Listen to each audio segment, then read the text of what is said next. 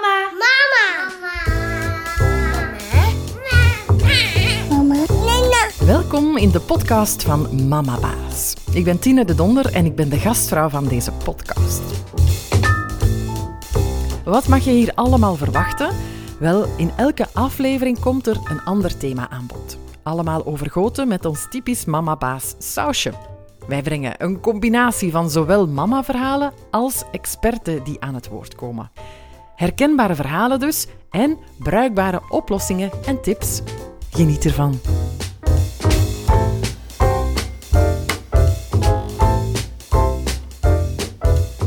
In de aflevering van vandaag gaan we het hebben over ADHD en ADD. Aandachtsproblemen dus, concentratieproblemen bij kinderen. En mijn experte daarvoor is Greet Hersens, leerkracht buitengewoon onderwijs geweest, jarenlang, dan onderwijscoach voor scholen en uiteindelijk directeur van Zitstil, dat is het kenniscentrum rond ADHD. Dat was een heel lange inleiding, Greet, maar van harte welkom. Fijn dat je er bent. Dankjewel. We gaan het hebben over ADHD en ADD. Mag ik dat uh, samenvatten als een aandachtstoornis? Ik ga je eerst heel eventjes uh, bijsturen. ADD is eigenlijk geen juiste term. Uh, we spreken over ADHD als we het hebben over uh, een ontwikkelingsstoornis die zich gaat richten op aandachtsproblematiek, hyperactiviteit en impulsiviteit.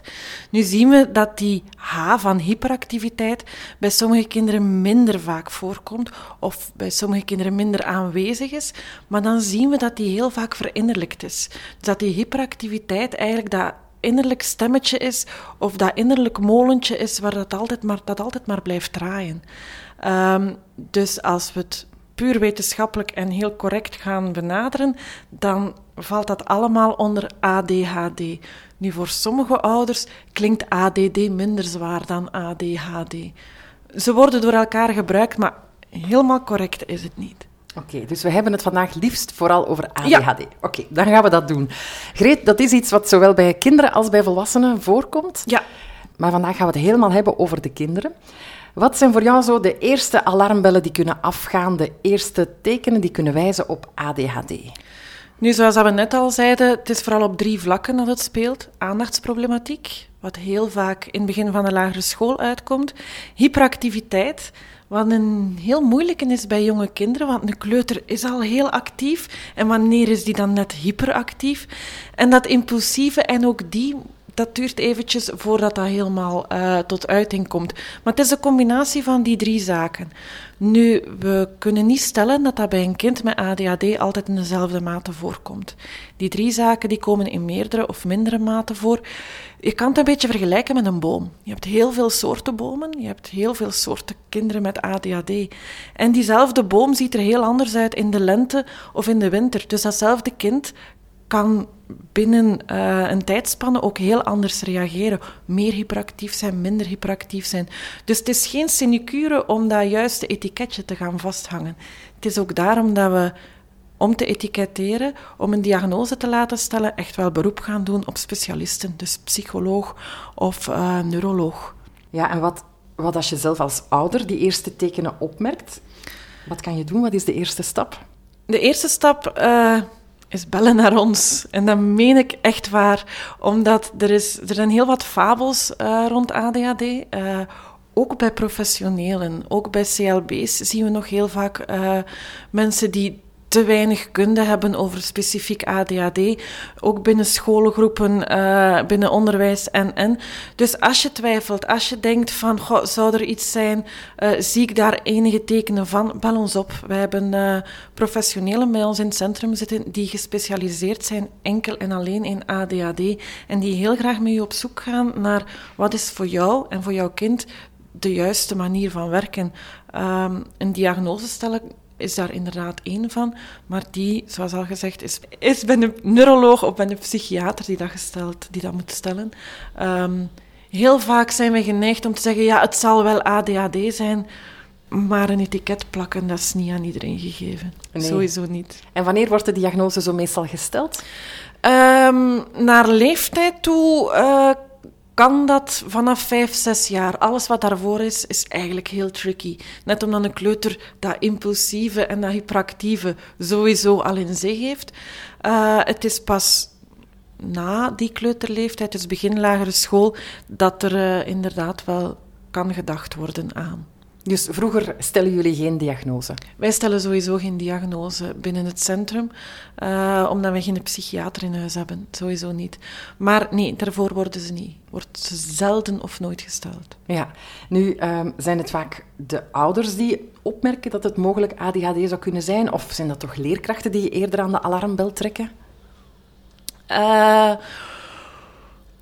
als ouders kennis hebben over ADHD, en dan is dat vaak omdat er uh, nog kinderen in de familie zijn die ADHD hebben, of omdat ze zelf een diagnose ADHD hebben, of omdat ze via dokter Google op heel wat zaken terechtgekomen zijn en daar toch wel zaken gaan uh, herkennen. Dus als ze de problematiek kennen, dan gaan ze hem vaker herkennen. Um, ook mensen in onderwijs, leerkrachten, uh, eh, CAB-medewerkers gaan, als ze de problematiek voldoende kennen, gaan hem ook wel herkennen of uh, vermoeden van gaan uiten en dan effectief gaan doorverwijzen. Ja, ja maar ouders zelf dus ook? Ouders zelf ook, jawel. jawel. Ja. Heel vaak zien we ook dat in de zoektocht naar een diagnose ouders ook geconfronteerd worden met zichzelf en uh, zich ineens realiseren na x aantal jaren van... Oh, ik denk dat ik ook ADHD heb. Ja, is het erfelijk dan? Ja, er zit een erfelijke factor in. Ja.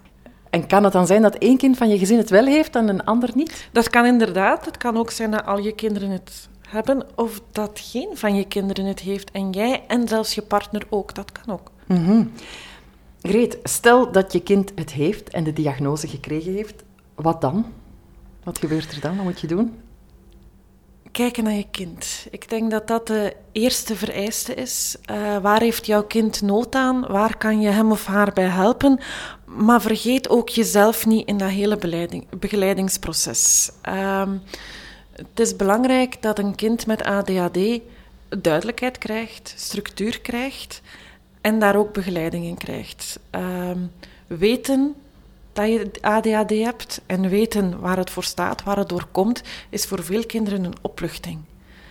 En nadien samen met dat kind gaan kijken van waar kunnen we ze helpen, waar kunnen we ze begeleiden. Heel vaak is dat bij plannen en organiseren. Um, een kind met ADHD is dat kind dat telkens en telkens opnieuw zijn zwemzak thuis laat liggen. Dat is dat kind dat driekwart van een tijd zonder boterhammen op school staat, omdat de brooddoos inderdaad thuis op het aanrecht blijft staan. Dus met memobriefjes en met um, stappenplannen, een strakke structuur en heel wat ondersteuning komt een kind met ADHD heel ver. Maar ook hier ga kijken naar het kind achter het label. Voor het ene helpt dat effectief, het andere kind gaat zich er vooral in frustreren. Ja, zo meteen praten we verder uh, en ben ik nog op zoek naar heel concrete tips over uh, hoe best omgaan met een kind met ADHD. Maar eerst maak ik graag even tijd voor de boodschap van onze sponsor. Wil je graag meer advies en tips van experten of herkenbare verhalen van andere ouders lezen? Volg dan Mama Baas op Facebook en Instagram. En ken je bovendien onze webshop? Je vindt daar al onze boeken en unieke cadeau- en verwen-ideeën voor jezelf, je kids, familie en vrienden we hebben het eh, nog altijd over ADHD. Soms zeggen mensen zo wel eens over een kind, die heeft een klein beetje ADHD. Kan dat? Nee, dat kan niet. Uh, ofwel heb je de ADHD, ofwel heb je het niet. Maar een klein beetje, nee, dat kan effectief niet. Het is wel zo dat uh, drie zaken die het meest naar voren komen, zoals al gezegd, die aandachtsproblematiek, die hyperactiviteit en die impulsiviteit, dat die in meerdere of mindere mate kunnen voorkomen. Dus een kind met ADHD gaat op het ene moment hyperactiever zijn dan op het andere moment. En dat heeft te maken met heel wat zaken. Uh, de spanning voor een verjaardag die op komst is, een feestje dat komt, veel suikers die het binnengekregen heeft uh, tijdens een tractatie of, of, of, zorgen er allemaal voor dat het meer of minder aanwezig kan zijn. Maar je kan niet een beetje ADHD hebben. Nee, dat niet. Maar dus, ik hoor jou vertellen, suiker dat is een concrete tip. Suiker beter niet geven aan iemand met ADHD? Nee, maar ik denk dat we dat allemaal voelen aan, aan kinderen ook zonder ADHD. Suiker is een trigger als het gaat over uh, activiteit. En zeker bij kinderen met ADHD is dat dan nog eens super trigger. Want wat gebeurt er dan? Ja, dan gaan ze helemaal hyperactief. Dan uh, gaan ze heel vaak uh, ja, bijna tegen het plafond, bij manier van spreken. Ja. Je had het daarnet over bepaalde grote gebeurtenissen, verjaardagsfeest bijvoorbeeld. Wat zou je als tip geven voor ouders met een kind met ADHD dat een week later zijn verjaardag gaat vieren en het kind is al helemaal dolgedraaid? Zoveel mogelijk voorspellend gaan werken. Dat wil zeggen dat het kind heel goed weet wat er gaat gebeuren, wanneer het gaat gebeuren. En visueel maken. Uh, een aftelkalender, kruisjes zetten, uh, stukjes papier afknippen, uh, de kalenderblaadjes die naast elkaar hangen en die je kan gaan doorstrepen. Maar maak het zoveel mogelijk visueel. Een kind met ADHD, en onderzoek heeft dat ook uitgewezen, die gaat als hij voor een beloning werkt, dan gaat hij werken voor een beloning nu.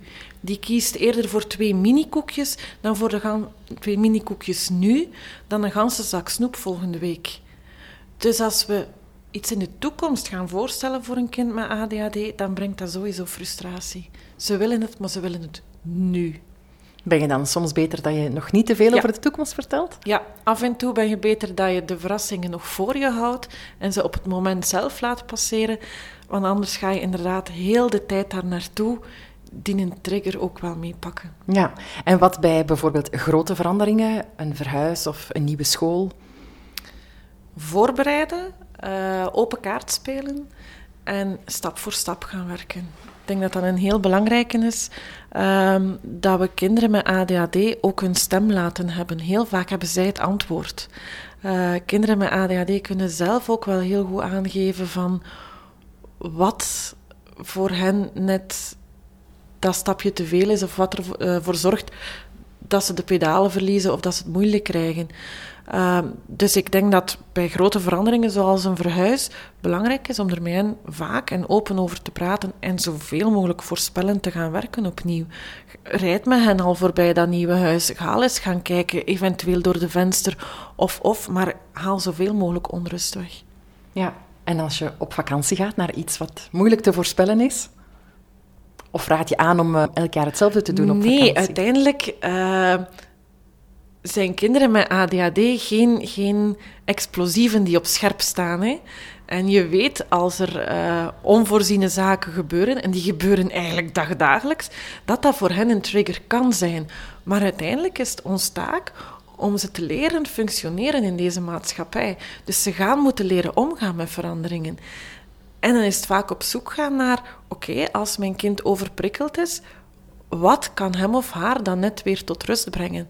Bij jonge kinderen kan dat een knuffel zijn, kan dat um, een tengel zijn. Dat zijn die, die um, kettingen waar ze op kunnen gaan bijten. Of uh, uh, vouwblaadjes. Of uh, waar is Wally? Die zaken. Waar ze eventjes hun gedachten kunnen verzetten, die hen tot rust kunnen brengen. Maar het is belangrijk dat je samen met je kind op zoek gaat naar wat brengt jou rust.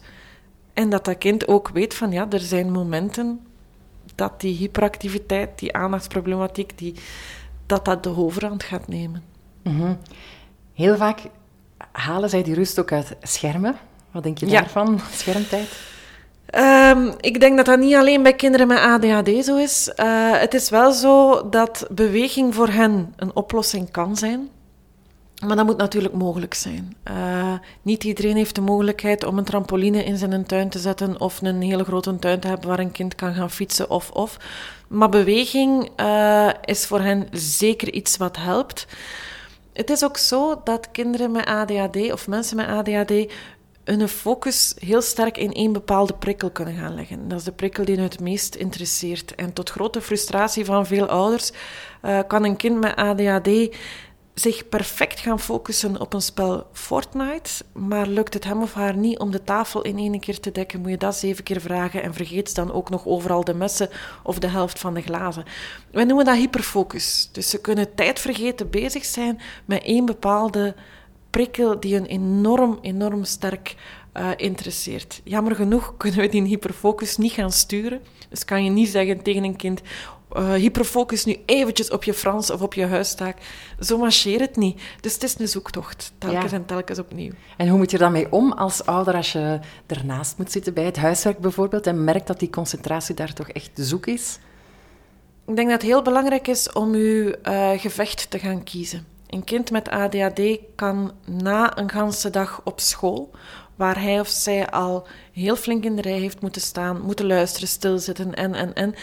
Dan komen zij thuis en zijn ze heel vaak doodop. van te proberen doen wat het juiste is. En dan moeten wij daar als ouder ook nog eens dat huiswerk bovenop gaan leggen. Ik denk dat eerst en vooral eerlijke communicatie met de school belangrijk is. Als een kind op is, is het op. En dan moet je het ook wel kunnen en durven aangeven. Maar daarnaast kies ook gewoon je gevecht. Een kind met ADHD kan niet en die schoenen op de juiste plaats zetten, en die jas aan de kapstok hangen, en die broodwas uh, in de vaatwas gaan steken, en die boekentas gaan leeghalen. Kijk gewoon wat is het belangrijkste. Moet dat huiswerk gemaakt? Oké, doe dan het of-of verhaal, of het en-en verhaal. Ik wil dat jij je huiswerk maakt. Waar ga jij het maken? Wil je het aan de salontafel op je knieën? Laat passeren. Zorg dat dat huiswerk gemaakt is, want daar ga je nu op gaan inzetten. We hebben ouders die zeggen, ja, als hij tv kijkt, dan wil ik dat hij netjes in de zetel zit. Ja, een kind met ADHD gaat veel gemakkelijker ondersteboven hangen. Omdat die prikkel dat nu eenmaal vraagt van hem of haar. En dan moet je afvragen, is het nu zo erg als hij niet met zijn schoenen, maar wel ondersteboven in de zetel zit? Soms moet je durven loslaten. Maar ook beseffen dat er momenten zijn dat je draagvlak als ouder op is. Ja. En dat er niks niks, niks mis. Dat het helemaal niet erg is dat je eens uit je slof schiet. Ook een kind mag weten dat het soms voor jou op is.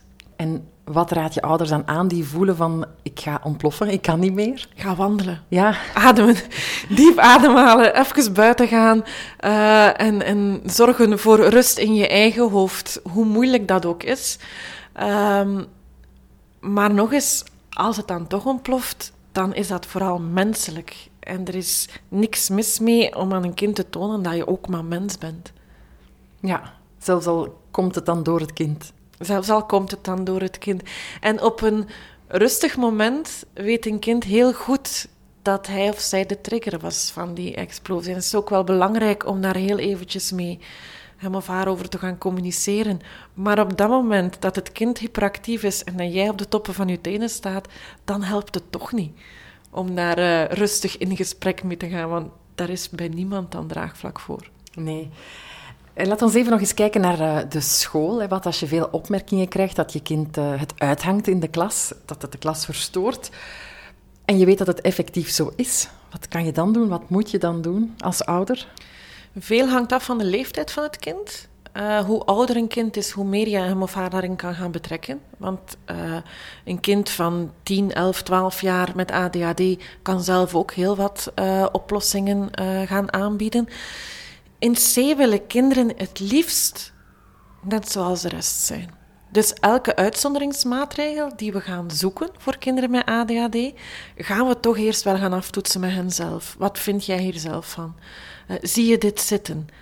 Um, en daarnaast denk ik dat het ook belangrijk is om naar uh, de leerkracht zelf te gaan kijken. Wat ziet hij of zij zitten? Uh, wat is mogelijk? Er zijn leerkrachten die hun kinderen of die kinderen met ADHD eventjes buiten sturen, op de trappen laten gaan springen, drie uh, rondjes rond de speelplaats laten lopen. En wat dat perfect kan. Tijdens de les? Tijdens de les, ja.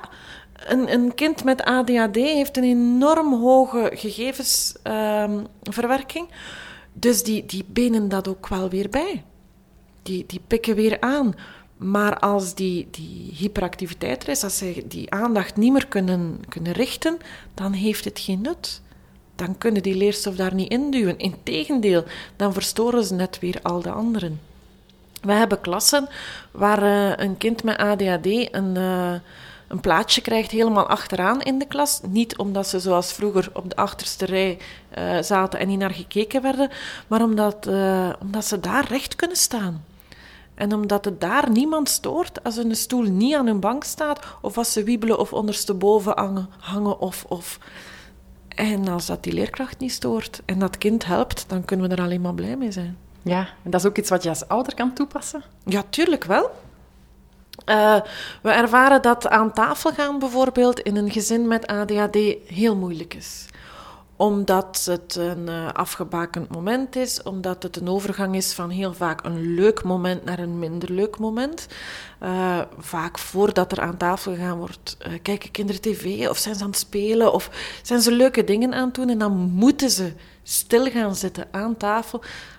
Heel veel kinderen met ADHD hebben ook moeite met heel wat smaken. Ehm, net zoals zoveel kinderen, denk ik ook. Maar dat wordt dan heel vaak een gevecht.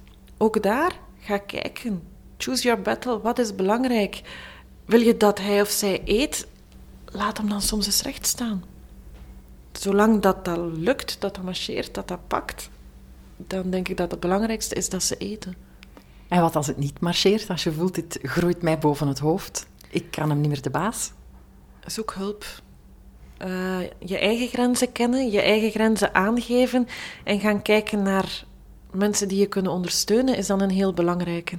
Bel ons op, kom langs, uh, contacteer uh, de mensen bij ons op Zit Stil en ga effectief samen met ons gaan kijken van welke zaken kunnen voor mijn kind, voor onze specifieke situatie, echt wel gaan helpen. Want ik kan nu wel zeggen van laat je kind recht staan bij het eten. Als je uh, thuis met vier bent en uh, je kind met ADHD is de oudste, dan kan ik me voorstellen dat de andere drie zwaar gaan reageren als je zegt van sta maar recht. Dus dan gaan we gewoon samen gaan kijken van wat kan wel, wat is wel een oplossing. En zijn er altijd oplossingen? ADHD is niet op te lossen. Het is, ADHD heb je voor het leven.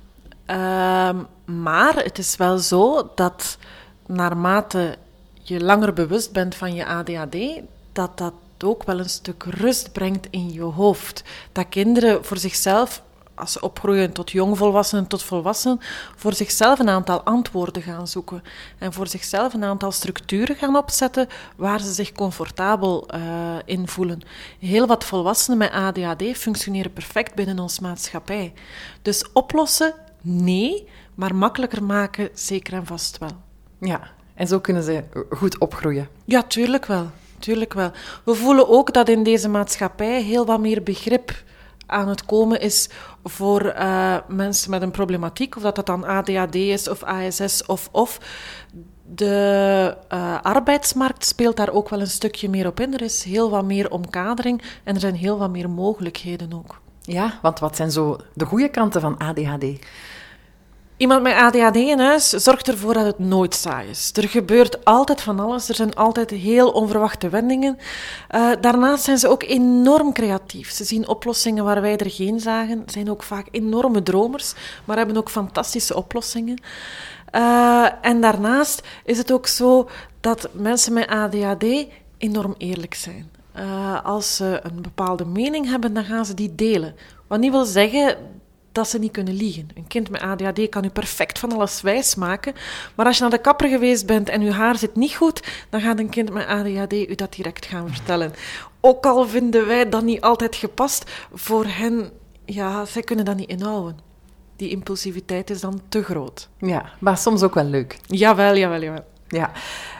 Greet, wij kunnen hier blijven over babbelen, maar we gaan afronden. Heb je nog tips voor mensen die er meer willen over weten, die nu misschien geluisterd hebben en die denken van, tja, ik moet daar nog dieper op ingaan, op die ADHD?